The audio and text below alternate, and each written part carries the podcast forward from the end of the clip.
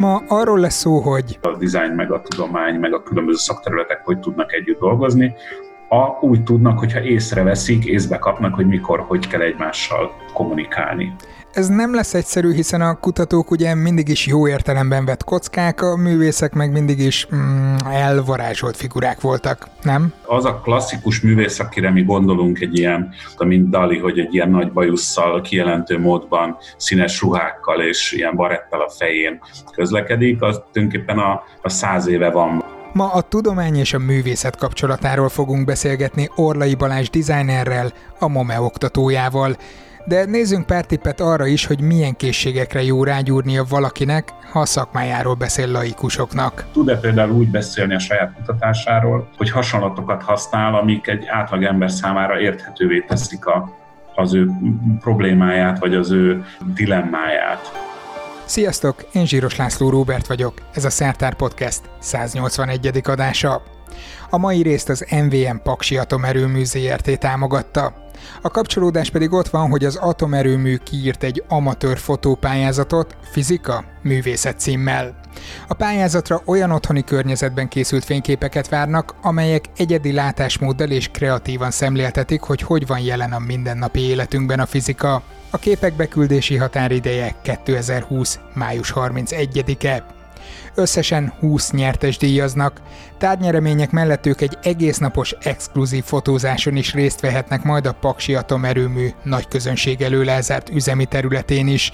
Tudjátok, hogy csináltam már pár videót erőművekben, meg nagy ipari létesítményekben. Pakson még nem voltam, de az biztos, hogy egyedülálló lenne, legalábbis Magyarországon. Szóval hajrá, járjatok nyitott szemmel és egy fényképezőgéppel a lakásban, aztán örökítsétek meg a saját kreatív fizikai pillanataitokat. A legutóbbi szerdai kísérletezős videómban adtam pár tippet, hogy én hogy állnék neki a témának. Mind a fizika művészet fotópályázat részletes leírását, mint pedig ennek a videónak a linkjét megtaláljátok a podcast leírásában. De hogy mennyire követel eltérő látásmódot a tudomány és a művészet, illetve hogyan lehet kapcsolatokat találni, arról beszélgetünk ma. A vendég Orlai Balázs, akivel legalább egy éve tervezzük, hogy na akkor össze kéne ülni egy podcast erejéig. Balást egy tudománykommunikációs mentorprogramból ismerem, ahol mindketten egy célért dolgoztunk, hogy tehetséges műszaki vagy természettudományos területen hallgató diákoknak és fiatal kutatóknak segítsünk érthetőbben kommunikálni a nagy közönség felé azt, hogy mivel is foglalkoznak. Most, hogy felvettem az interjút, ha úgy tetszik, a háta mögött elmondom, hogy a közös munka során rengeteget tanultam tőle magam is, főleg látásmódot. Ő menet közben a kutatói munkákra és a gondolkodásmódra csodálkozott rá rendszeresen, a kutatók meg, nos, a vizuális szakember hozzáállására. Biztos vagyok benne, hogy ez a fajta együtt dolgozás mindenkiben mély nyomot hagyott, de ekkora a szakadék a tudományos és művészeti megközelítések között? Hát, hogy ugye, bennem ekkora a szakadék, tehát, hogy én vagyok a én vagyok ez. Ez amiatt van egyébként, hogy én művészeti középiskolába jártam, és hogy gyakorlatilag ez a dolog már eldőlt, tehát hogy, hogy ott, ott nagyon gyenge minőségben kaptuk ezt. Tehát se matek, se fizika, igazán egy ilyen kínszenvedés volt. Jó, de azt gondolnám, hogy ha, ha dizájnnal foglalkozol, akkor ott azért kell, hogy legyen valami, nem tudom, műszaki érzék hozzá, vagy, vagy fizikai alapok, nem? Különösen ilyen, ilyen nagyon hangzatos dolgokat látok az előadói profilodon, mint tárgy alkotás, amit meg sem nagyon tudok fogni, hogy mit akar, tehát...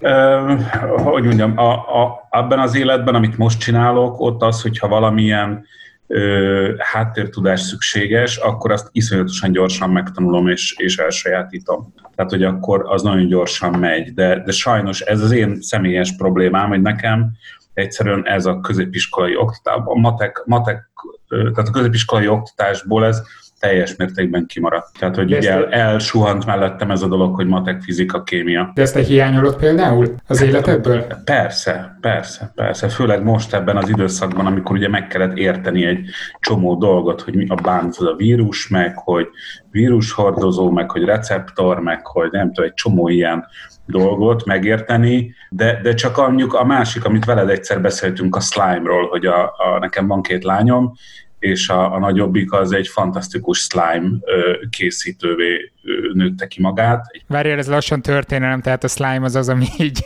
tavaly, vagy sőt, tavaly előtt ilyen nagy szenzáció volt És akkor elkezdted ezt mondani, hogy ez milyen csináltak. érdekes anyag, mert Aha. hogy se nem ez, se nem az, és hogy egy elképesztően, miközben ugye ez egy tulajdonképpen annyit csinál, hogy négy anyagot összekever különböző módon, és ebből lesz egy ilyen fura, se nem szilárd, se nem folyékony cucc, és, és hogy ez nekem egyáltalán nincs meg. Tehát nem tudom, hogy a ragasztó, meg a tintőpor, meg a borax összekeverésével mi a bánatból lesz ez a dolog, és kicsit olyan, olyan, olyan ügyetlennek érzem magam ebben a világban, és, és most, hogy ebbe a, ebbe a szindikátor programban részt veszek, és ugye nekem az a feladatom, hogy, hogy fiatal tudósok, doktoranduszoknak a kommunikációját segítsem, ahol először akkor tudok nekik segíteni, ha megértem, hogy mit csinálnak. És hogy egyszerűen meg kellett értenem, most már nem tudom én a tizenvalahanyadik projektnél tartunk, és hogy le, le vagyok nyűgözve. Tényleg, le vagyok nyűgözve. Jó, csak ez másik oldalról szerintem ugyanúgy igaz, vagy legalábbis amennyi amennyire kívülről látom, tehát hogy amikor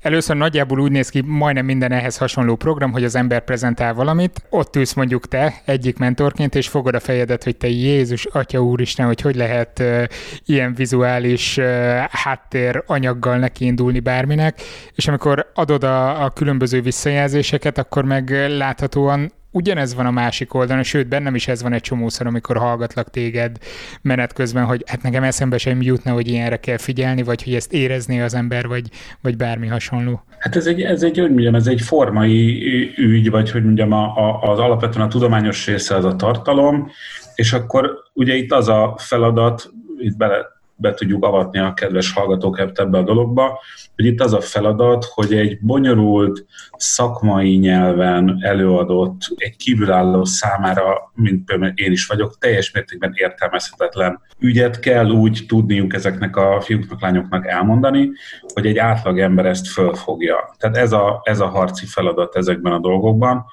és, és én itt tulajdonképpen azokat a segítségeket tudom megadni, amit én is ugye gyakorolok, mert én is, amikor a a saját designeri tevékenységemet folytatom, akkor is próbálok azért ügyfeleimnek, meg partnereimnek, meg megbízóimnak úgy beszélni azokról a folyamatokról, amiket én csinálok, hogy ők azt, azt megértsék.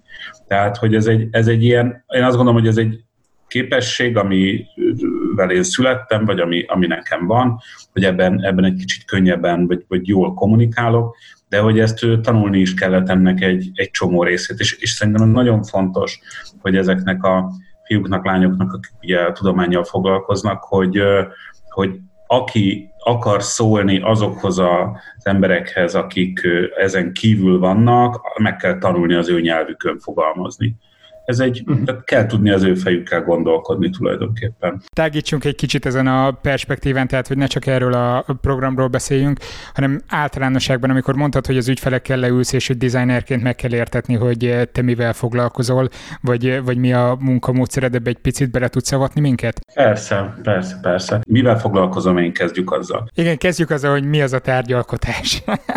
Kezdjük az, hogy alapvetően, ugye ez egy, ez egy egyetemi megfogalmazása ennek a dolognak, ez a bizonyos tárgyalkotás. Alapvetően ez, ez formatervezést akar, dizájnt akar, használati tárgyak tervezését, folyamatoknak a tervezését. Én három dologban, három dolgot szoktam mondani, hogy mit csinálok. Az egyik klasszikus formatervezés tárgyaknak a megtervezése, a második az a service design, ami azt jelenti, hogy folyamatokat, szolgáltatásokat, ugyanúgy lehet tervezni, mint egy arculatot, egy ruhát, egy autót, bármit, tehát ennek, erre is megvan, ennek is megvan a módszertana. És a harmadik, amikor nem tárgyat tervezek, hanem segítek egy ügyfélnek kitalálni azt, hogy, hogy mi lenne neki a legjobb. Ugye ez, ez, a, ez a design stratégiai segítség, vagy design stratégia, amikor azon gondolkodunk, hogy, hogy neki mi lenne a, a legmegfelelőbb a kreatív ipar területeiről, mi az, ami mm-hmm. többet tud húzni. Tehát én ezzel a három dologgal foglalkozom, és és ahhoz, hogy mondjuk ha egy tárgyról van szó, egy ilyen klasszikus, nagyon bonyolult műszaki tervezési folyamatot én nem csinálok, tehát én ilyen típusú tárgyakat nem tervezek, de ha oda kerülne a sor, illetve hát ugye mit most mondok egy példát, hogy mit csinálok most, most például dél, délelőtt volt egy megbeszélés egy olyan maketnek a megtervezése, ami egy 17. századi fejedelmi uradalomnak a működését mutatja be. És ahhoz, hogy én ezt a dolgot egy vagány, vidám kiállítási elemet meg tudjak tervezni, az nekem ezt meg kell értenem, ezt a folyamatot. Tehát meg kell értenem a, egy, egy 17. századi birtoknak a működését, ugye ennek van mindenféle vetülete, és itt elkezdek olvasni, kutatni, filmeket nézni, és onnantól megpróbálni a lehető legjobban megérteni ezt az egész folyamatot. És ebbe tartozik az, amikor ugye én elérek oda, hogy ki kell számolnom egy valaminek a térfogatát, vagy, vagy nem tudom, még meg kell értenem a, a És ilyenkor biológiai... A kép. Ilyenkor szólsz a gyerekednek, aki éppen ezt tanulja a suliban, nem, nem, hogy Először az anyósomnak szoktam szólni, nekem a tech fizika szakos tanár, aki először egy jó és akkor utána segít nekem.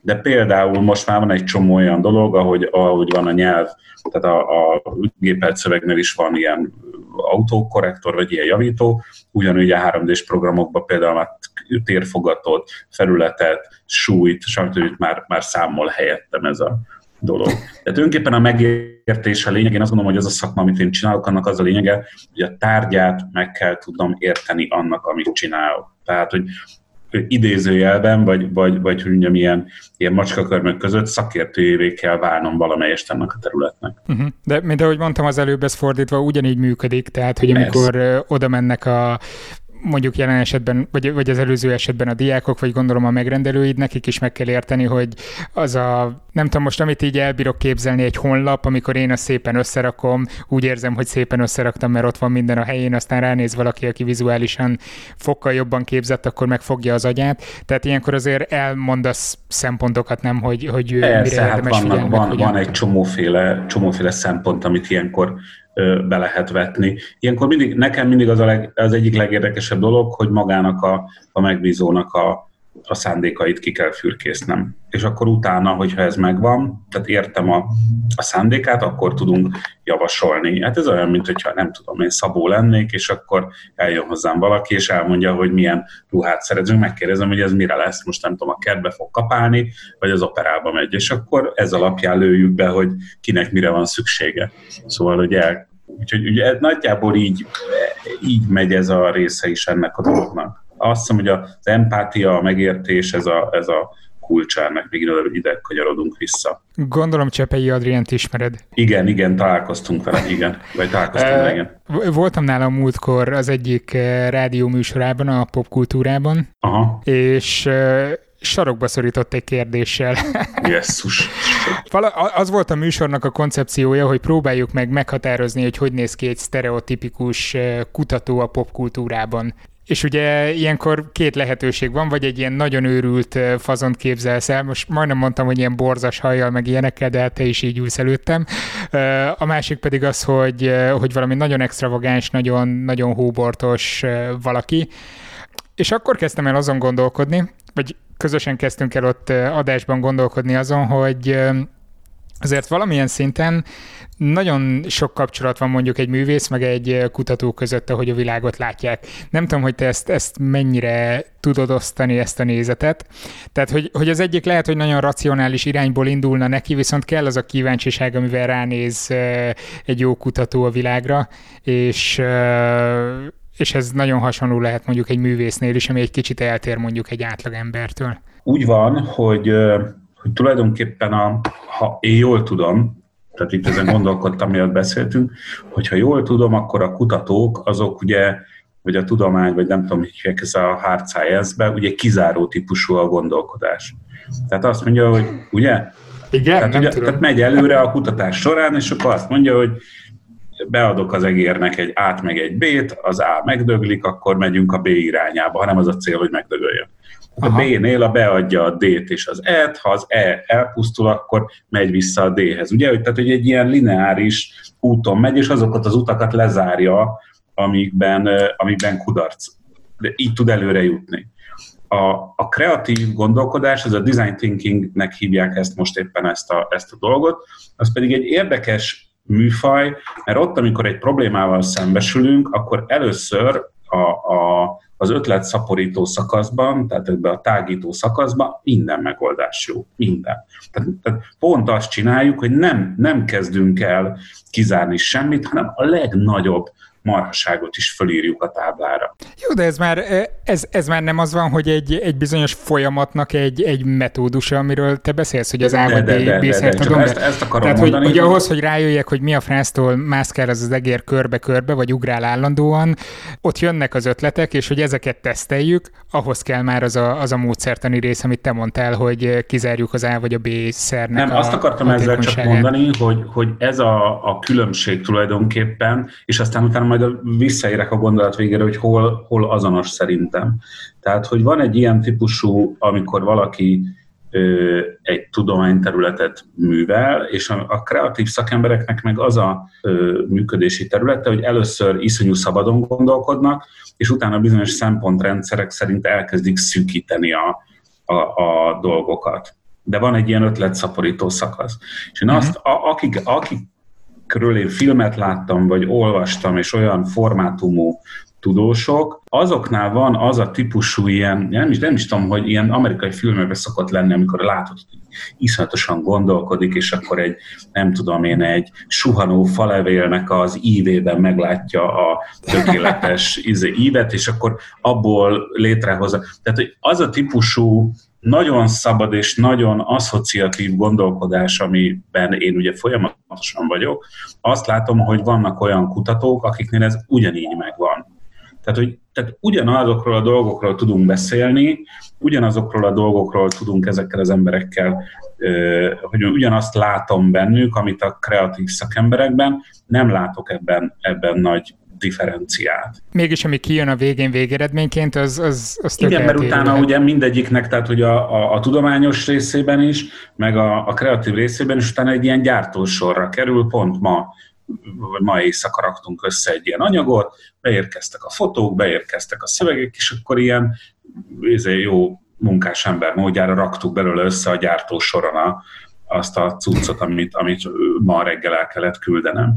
Tehát, hogy van, van egy ilyen nagyon intuitív, nagyon szabad, nagyon ö, laza gondolkodásmód, és utána jön a, a legyártása, vagy a, ugye az a sor, amikor a, amikor a tudományos részben kizárom a gondolatokat, és úgy megyek előre, de az, azt megelőző részben én nem látok semmi, semmi különbséget, hanem, hanem csak a szabadságot látom, a, a, hogy mondjam, azt, hogy tud-e valaki nagyon szabadon gondolkozni. Nekem például borzasztóan tetszik az a, gondol, az a, az a dilemma, ugye, amikor egy, egy természettudós nagyon erősen vallásos.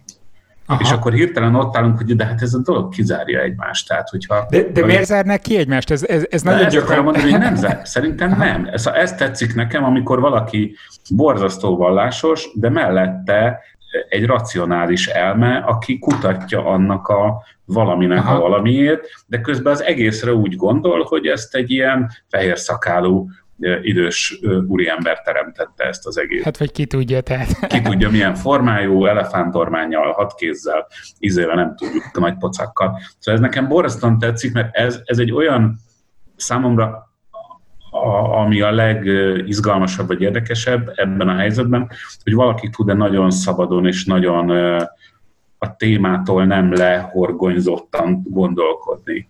És ebben nincs, nincs különbség, itt, itt, itt szabad gondolkodók vannak. Ebben lehet, hogy nincsen igazam, sőt, valószínűleg nincsen, de valahogy az szokott ilyenkor motoszkálni a fejemben, hogy azért tudományról nem olyan régóta beszélünk abban az értelemben, ahogy ez most létezik.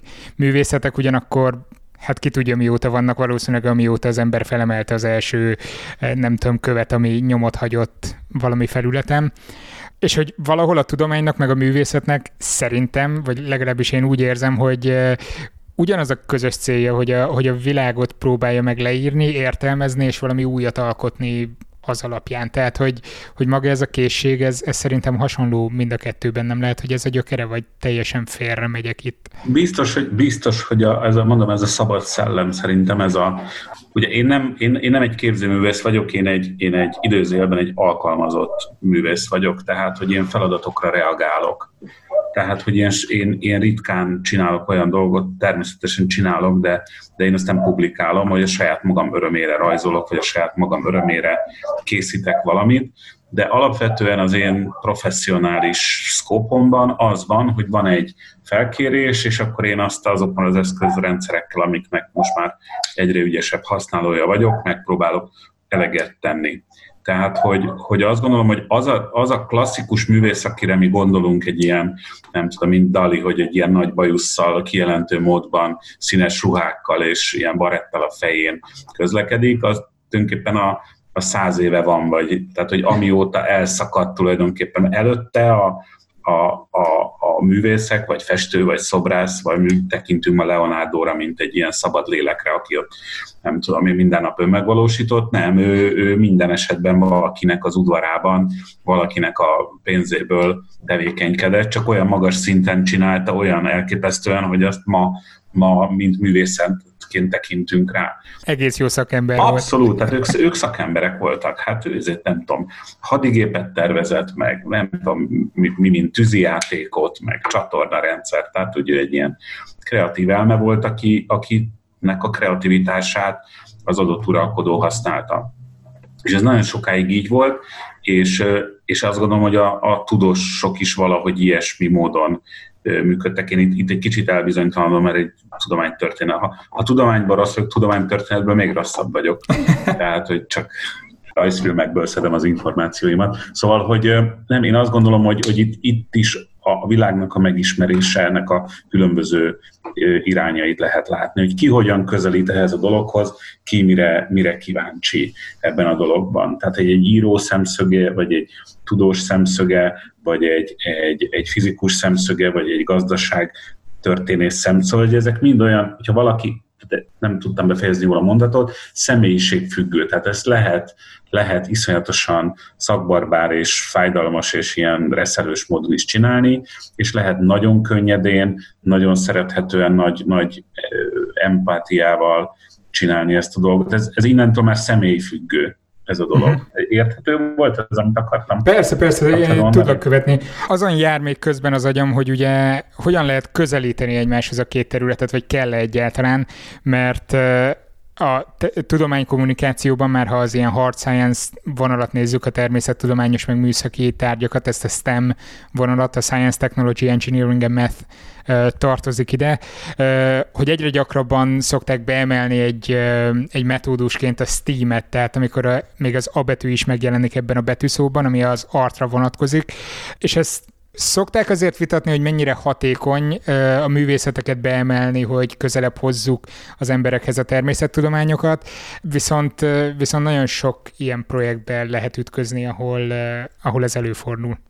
Ez, szerintem ezt most te nem tudtad követni, amit én De abszolút, és van is, rá, van is rá jó válaszom, mert, mert, mert pont a, a, a moment csírázik ez a dolog, ez a, ez a STEM nevűzetű dolog, és én iszonyatosan örömmel nézem, hogy ebbe a kiszikasztott meg egy ilyen fantáziátlan és elszürkülő és nem tudom, rettenetes közoktatási helyzetben ez egy ilyen, egy ilyen nem tudom, mint egy ilyen szuper tápoldat olyan a, a gyerekeknek ez aztán, tehát hogy, mm. hogy, hogy eleve, amikor, én emlékszem arra, aztán be, vagy visszakanyarodom a gondolatomhoz, hogy amikor kémiát tanultam, ha elmondták volna nekem, hogy figyelj, a főzés az kémia, fizika meg kémia, akkor így, az meg tényleg.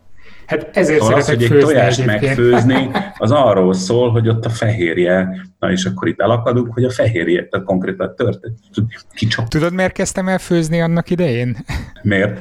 Határozottan emlékszem, az Egyesült Államokban laktam, ott voltam koliban, és, és mindig, mindig nagyon érdekeltek ezek a miértek a világban. És hogy főzöl tésztát? Ez most, most kérdés, mi kell a tészta vízbe? Hát víz, só, hő. Jó, oké, de itt szokott lenni még valami, amit szoktak mondani, hogy olajat mindenképpen kell a tésztafőző vízbe rakni, vagy legalábbis most lehet, hogy pislogsz, de nagyon sok erről hallottam nagymamámtól. Tudom ezt én is, de nem, nem látom értelmét. Na de hát ez az, hogy, hogy olaj kell bele, és amikor ott voltam a koliban, és elkezdtem főzni, és akkor mindenki nagyon furcsán nézett rám, hogy én minek öntök bele olajat, és mondtam, hogy hát azért, mert én ezt így hallottam mindenfelől rokonoktól, akárkiktől, és, és hogy ez azért kell, hogy ne tapadjon össze a tészta.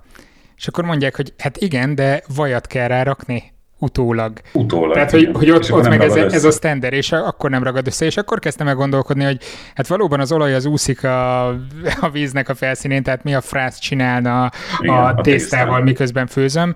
Úgyhogy azt mondtam, hogy jó, hát akkor lehet, hogy a vajban van valami. Igen, nem csak, hogy azóta dolgoztam Olaszországban több projekten, úgyhogy megkérdeztem egyszer Na, az olaszokat, hogy, hogy mégis hogy kell tésztát főzni, hát ha valaki, akkor ők tudják, és elképedve hallgatták, hogy én miért raknék olajat, vajat, bármit. A tészta az jósós vízben, belerakod, nem tudom, a spagettit a főzővízben, és amikor áll dente, akkor kiszeded, és ennyi, kavarni kell folyamatosan, és akkor nem ragad össze. Tehát, hogy, hogy ilyen és ehhez hasonló dolgok voltak, ami miatt én elkezdtem eleinte főzni, és elkezdtem érdeklődni az iránt, hogy meg tudom-e kérdőjelezni azokat a bevett módszereket, amiket mindenki mond, hogy tényleg nem tudom, négy liter vízben kell felrakni azt a két marék tésztát, mert akkor az igazi, és elkezdtem kísérletezni ezzel a melléktermékeket, meg elkezdtem enni, és rájöttem, hogy finom.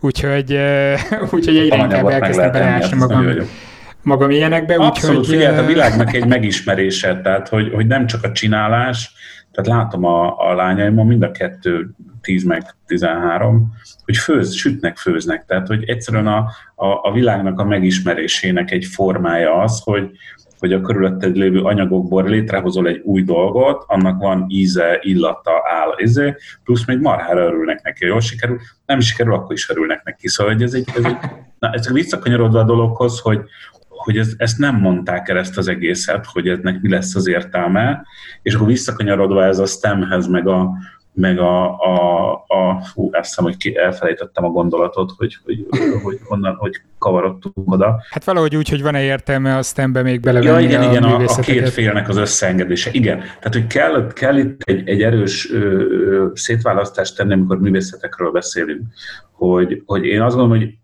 ugye ö, Angolban ez egy kicsit jobb, tehát az applied art, tehát az alkalmazott művészet, uh-huh. és, a, és a klasszikus szép művészet, ugye ez egy kicsit olyan poros mind a kettő, ez a beaux uh-huh. art, ugye franciául. Tehát, ez az iparművészet lenne egyébként? Az igen, tulajdonképpen az iparművészet már egy kicsit ilyen, ilyen fáradt, tehát hogy az uh-huh. a baj, hogy iparművészből látunk egy ilyen 1968-ban rezett kalapál valahol, meg nem tudom, és ez, ezek az idők azt hiszem, hogy elmúltak, persze most is kalapál valaki rezet, de hogy ez az iparművészet egy kicsit ilyen, ilyen, ilyen beporosodott az elmúlt időszakban. De a lényeg, amit akarok mondani, az az, hogy, hogy az alkalmazott művészetnek, vagy a dizájnnak a különböző területei iszonyatosan jól illeszkednek a, a tudományhoz. Uh-huh. És, és fordítva, és, és én azt mondom, hogy nagyon komoly ö, egymásra utaltság van. Probléma megoldásban például, vagy abban, hogy egyszerűen a, a kommunikációs részébe,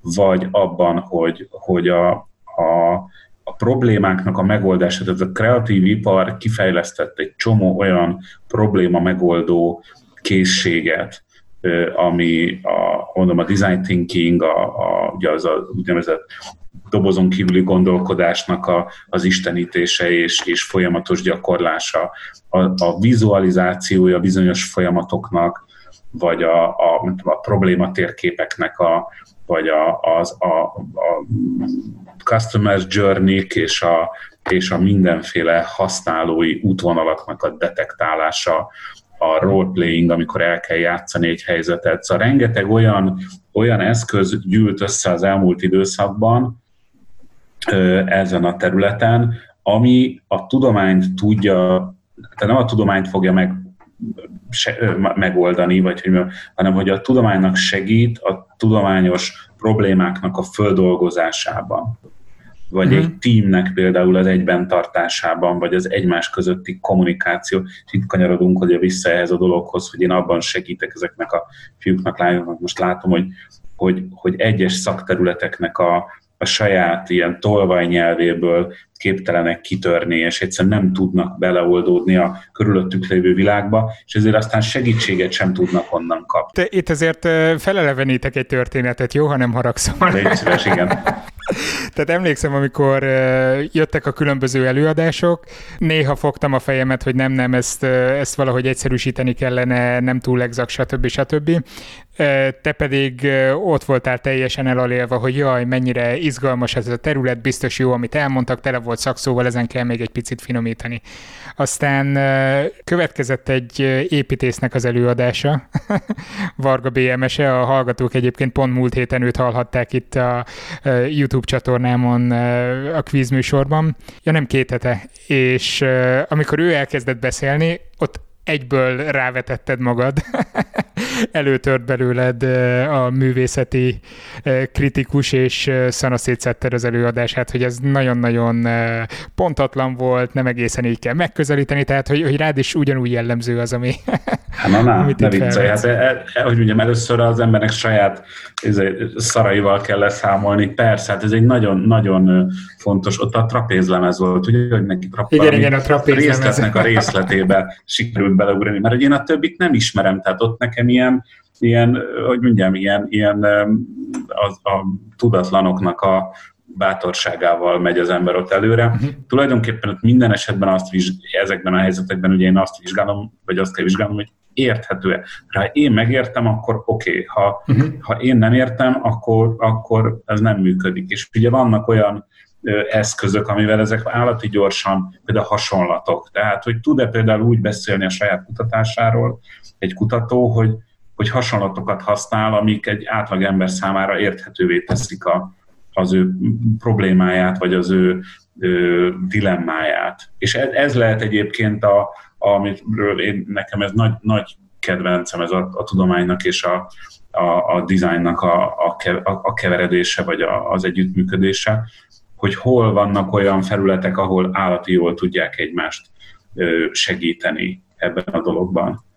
És ez az egyik dolog, a másik, hogy egyszerűen nyit, nyitva tartják ezeknek a szereplőknek, az ilyen típusú különböző gondolkodású embereknek az együttműködése, az nyitva tartja a szereplőknek a, a, a receptorait, hogy be tudják egyszerűen fogadni azt, ami vagy nem értenek, vagy esetleg olyan gondolkodásmódot tudnak átvenni ezekből, ami, amit utána saját magukba szippantva segítenek megoldani olyan problémákat, amiket addig küzdöttek, vagy görgettek maguk előtt. Volt egy tök jó felvetésed menet közben, amire valóban nem tértem ki, tehát amikor kommunikációról vagy tudománykommunikációról beszéltem, akkor itt mindig arra gondoltam, hogy a nagy közönséghez, a laikusokhoz hogyan lehet közelebb hozni a tudományos eredményeket, vagy tudományos koncepciókat, és hogy ott mekkora szerepe lehet a művészetnek. De tök jó, hogy felvetetted azt is, hogy amikor a kutatók egymás között beszélnek, és egymás között kell feldolgozniuk a saját eredményeiket, hogy akkor is mekkora szerepe lehet mondjuk a dizájnnak, vagy, vagy ehhez hasonlóknak. Ha, ha csak ott kezdem, nagyon-nagyon egyszerűen azt kezdem, hogy, hogy vannak, amikről most láttam ilyen, ilyen tudományos konferenciák, ahol, ahol ugye összegyűlik egy csomó ember, és megosztják egymással azt, hogy hova jutottak el. Hogyha azok a prezentációk, amiket ők egymásnak tartanak, vagy azok a pitchek, amiket egymásnak tartanak, azokban használják a, a, azokat az eszközöket, a grafikai részre gondolok, vagy a, a prezentációban azt, hogy olyan ábrákat használnak, amik könnyebben érthetőek, hogy a folyamatokat nem az utolsó, nem tudom én, minden egyes részletéig bemutatják, hanem, hanem egy picit használják a storytellingnek a, a szabályait, azt, hogy azok a diák, amiket terveznek, azok, azok hogy mondjam, tiszták, egyszerűek, jobban fölfoghatóak. Kék háttér, sárga betűk és minden. Kék átmenetes háttér előtt, izé, nem tudom, egy szlájdon 18 millió információ. Na jó, csak tudod, nagyon sok helyen az akadémiai szférában az ilyenkor a bevésődés, hogy, hogy mindennek ott kell lennie a dián, hogyha ne adj Isten elbóbiskol valaki a sorban, miközben te beszélsz, és valahol felkapja a fejét, akkor is tudja majd követni a gondolatokat. Igaz, én erre azt szoktam mondani, hogy hát az egy másik műfaj, tehát akkor olvassa el a publikációt, ott pedig figyeljen oda, mert valószínűleg azért bóbiskol el az illető, mert... mert 18 darab információ van egy szlájdon, és megnéz 50 szlájdot 10 perc alatt. Tehát olyan mennyiségű információt borítanak egymásra, hogy a lényeg ebből, ebből elvész, és nem, nem derül ki ebből a dologból. Én, én hogy mondjam, egyre kevésbé hiszek abba, hogy, hogy, tehát, hogy ez is egy, egy eszközrendszer, amiben érdemes ö, tanulni. Nem jártam, tehát mondjuk én viszonylag kevés konferencián járok, hála jó Istennek, már lehet, hogy nagyon jól szórakoznék, de hogy én, én, én lefáradok nagyon gyorsan ezektől a prezentációktól, és valahogy ez, ez, ezekkel a fiúkkal, lányokkal, akikkel most dolgozom, de az egyetemen is ugyanez van, hogy arra próbálom őket rávenni, hogy tiszta, tiszták legyenek ezek a gondolatok, tisztán beszéljen róla, egyszerűen beszéljen róla, tartsa be azokat a szabályokat, amik, amik azt gondolom, hogy működnek, hogy hogyan beszélünk közönség előtt. Egy fél mondat erejéig még a beszélgetés elején felvetetted, hogy azért lehet fejleszteni ezeket a készségeket, de azt ott szinte el is nyelted azonnal. Lehet, vagy, vagy hogyan? Vagy mit javasolnál annak, aki azt mondja, hogy oké, okay, vizuálisan én nem vagyok éppen a, e, nem tudom, egy Salvador Dali, de szeretném, ha egy picit tisztábban tudnék így kommunikálni. Akár van, itt a, tart, van a tartalmi része és a formai része. Tehát a tartalmi része az azt jelenti, hogy, hogy azt kell kitalálni nagyon pontosan, hogy ő egy-egy ilyen prezentáció, vagy egy-egy ilyen megszólaláson miről akar beszélni, és milyen mélységig megy bele, és milyen a, a közönség, akinek beszél. Tehát, hogy mennyire kell szakmai. Tehát ezt a tol, tolvajnyelvet, a, hogyan kell beállítani. Ez, ez szerintem ez az egyik ö, feladat. Tehát, hogy miről fog a tartalmi része, hogy az legyen egy egyértelmű. A másik az pedig az egy, az egy vizuális helyzet, hogy van egy, egy vetített felület, amin vannak betűk, ábrák, és hogy ebből ő milyen kompozíciót hoz létre, mert óhatatlanul egy-egy ilyen kivetített slide, vagy dia, vagy nevezzük bárminek, annak megvan a, megvan a szerepe, hogy az hogyan segíti az ő, az ő előadói. Mert alapvetően ott szokták szerintem elrontani, hogy ki van mögé vetítve egy iszonyú bonyolult ábra, sok adattal, és, aj, és amikor a szerencsétlen néző elkezdi olvasni, akkor őt megzavarja a beszédével, vagy fordítva, hogy elkezd beszélni, ráfigyelnek, és hirtelen megjelenik mögötte egy iszonyatosan érdekes ábra és szövegsor, és hirtelen már nem őrá néznek, hanem azt a dolgot kezdi el olvasni. Tehát ugye ennek, én szerintem az a legegyszerűbb talán, hogy ez a két dolog, hogy amit ő maga mögé kivetít, meg amit ő mond, azok egymást támogassák, ne egymást, mint két ilyen ütlegelő, nem tudom én, izé ninja egymást ütögesse a két dolog, hanem hogy ezek a dolgok segítsék egymást. Tehát én ezt láttam, hogy, hogy mintha nem bíznának abban, hogy amit ők élőszóban elmondanak, az elég érdekes, és emiatt egy komplett ilyen háború és békét felraknak egy-egy ilyen szlájdra. Tehát bízzanak magukban. Szerintem igen, tehát hogy miről akarnak beszélni. Tudom, hogy ez bizonyos helyzetben ilyen tudománytalannak tűnik, meg, meg, meg megijednek attól, hogyha nem elég bonyolult, meg nem elég túl, hogyha egy szlájdon nem használnak legalább öt darab idegen szót és három latin szakkifejezést, és nem tudom, ezért, akkor, akkor tudománytalannak fognak tűnni. Hát igen, ez, ez, ez kétségtelen. Tehát, hogy, de hát gondolja mindenki, amikor a, az orvoshoz mondjuk egy 20 évvel ezelőtti zárójelentést elolvasol, abban még a kötőszavak is latinul vannak. És a most elolvasol egyet, most már, a, már hígul a helyzet, tehát már egy ilyen folyó magyar szöveget tulajdonképpen e- értelmetlenné tevő latin szavak vannak benne, de mondjuk tíz év múlva valószínűleg már, már egy átlagember is fogja tudni. Ez nagyon jó, hogy ezt felvetetted, mert pont a múlt heti adásban volt szó ilyen egészségügyi etikai kérdésekről, és aki Sándor Judit, aki nyilatkozott, ő elmondta, hogy, hogy mennyire fontos az orvos-beteg kommunikációban a tiszta, érthető beszéd. Én azt gondolom, hogy ez egy rossz, rossz szokás egyszerűen az, hogy azt gondoljuk, hogy attól szakmai valami, hogy bonyolultan beszélünk. És ez, ez minden szakterületen ez van, hogy, hogy nagyon sokan a bonyolult duma mögé bújva nyomják a bullshit és amikor valaki egyszerűen mer beszélni, akkor az, hogy te tudománytalan vagy, te szakmaiatlan vagy, mert egyszerűen beszélsz. És ez minden területen, tehát, hogy, hogy nézd meg egy, egy jogi egyetemen végzett ember által írt ö, ezért, ö, vagy hívják szerződést, Hát érted, egy, egy tisztességes magyarul beszélő ember, azt, azt így nem beszélünk. Tehát mi nem lehet leírni oda azt, hogy A és B szerződik arra, hogy A elad B-nek egyet, ha nem fizeti ki, akkor megyünk a bíróságra. Egy, én, én egyoldalas szerződéseket szoktam írni, éni, éni veszővel, közp, ugye úgy hívják központozás, amikor veszőket használsz, alanyállítmánytár, tudod, hogy az iskolába tanultam és akkor mindenki nézi, hogy hát ez olyan fura ez a szerződés. Hát mondom, persze, mert magyar nyelven van írva. Szóval, hogy, hogy, hogy van bennünk egy ilyen, egy ilyen tanult dolog, hogy valahogy akkor vagyunk hivatalosak, hogyha ilyen szakzsargonban nyomjuk. Jó, azért a zsargonnak megvan a szerepe valószínűleg a szerződésben. de most, tehát... most én karikírozom ezt a dolgot, meg, meg, meg a, a rossz részéről beszélek. Persze szükséges ö, trapézlemezről beszélni, hogyha a hullámlemez vagy trapézlemez, az nem ugyanaz, ez teljesen egyértelmű, de hogy, hogy okosnak kell lenni, és tudni kell, hogy mikor használjuk ezeket a szövegeket, és én azt mondom, hogy vagy azt, és tényleg itt visszakanyarodva ahhoz, hogy, hogy a, a design, meg a tudomány, meg a különböző szakterületek hogy tudnak együtt dolgozni, a, úgy tudnak, hogyha észreveszik, észbe kapnak, hogy mikor, hogy kell egymással kommunikálni, hogy, hogy egyszerűen rá tudjak csatlakozni az ő problémájára. Ez egy nagyon-nagyon érdekes, érdekes dolog, és ugye én nem vagyok járatos abban, hogy külföldön, vagy itt a Hollandiában, vagy Amerikában, vagy Szingapurban, tehát nem tudom, a világnak ilyen furcsa fejlettebb részein ez például mennyire, mennyire problematikus. Egy sztorit elmesélek neked, az, az, az, hogy mondjam, ezt a típusú gondolkodást ezt nagyon szépen megmutatja.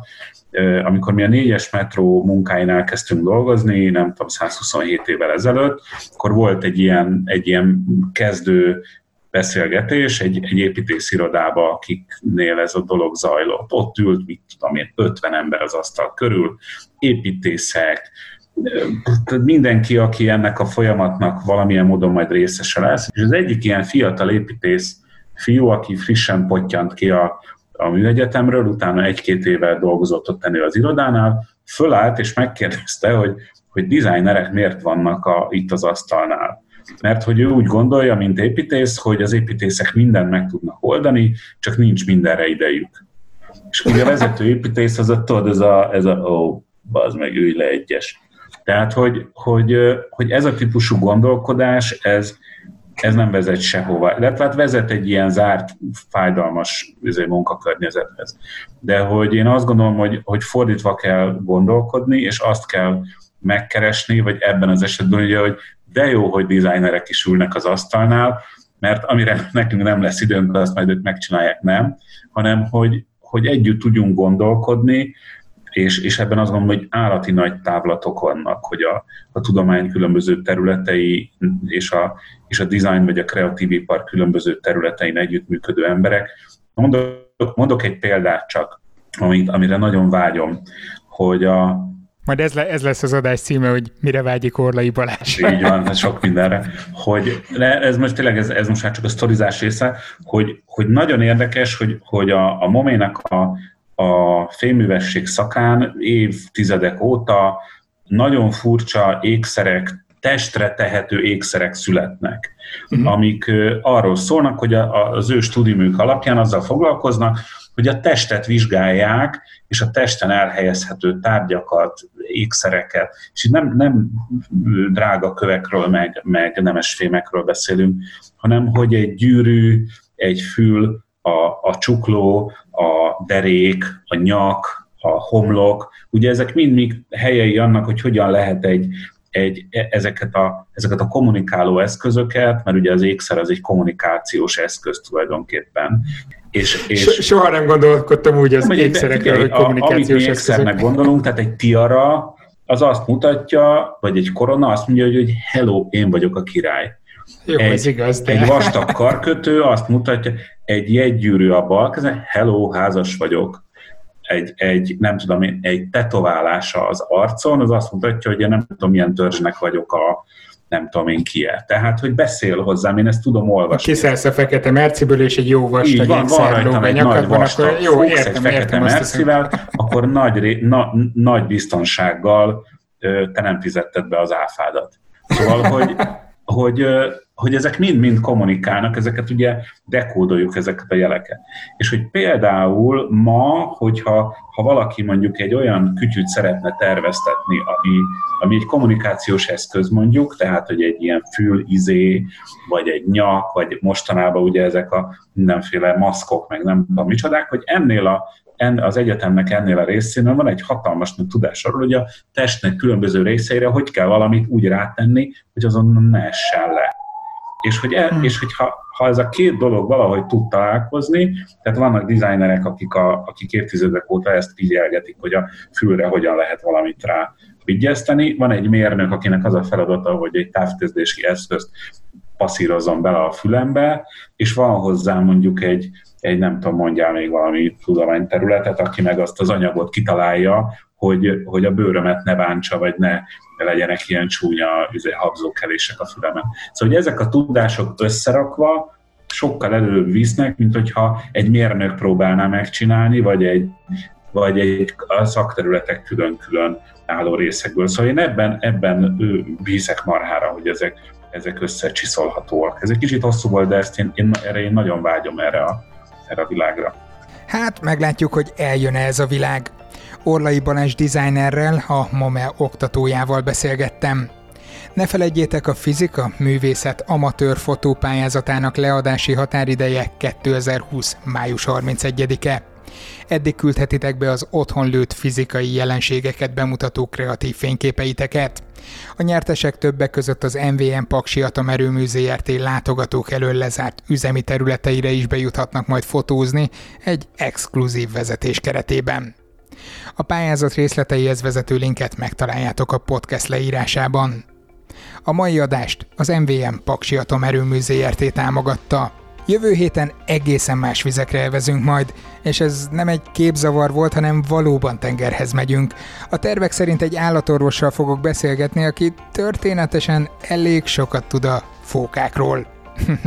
De ha már állatorvosok, május 29-én pénteken folytatjuk a YouTube csatornán a Memo Science and Innovation-nel közös élőkvísunkat, ha jobban belegondolsz.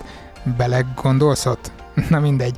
A sorozatban mindig két eltérő terület művelői hozzák nekünk a quiz kérdéseket.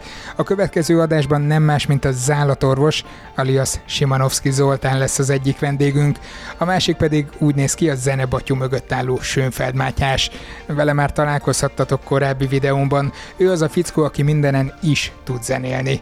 Izgalmas lesz, mert én például konkrétan semmin sem. De majd kérem a közönség segítségét. Addig is legyen szép hetetek. Sziasztok!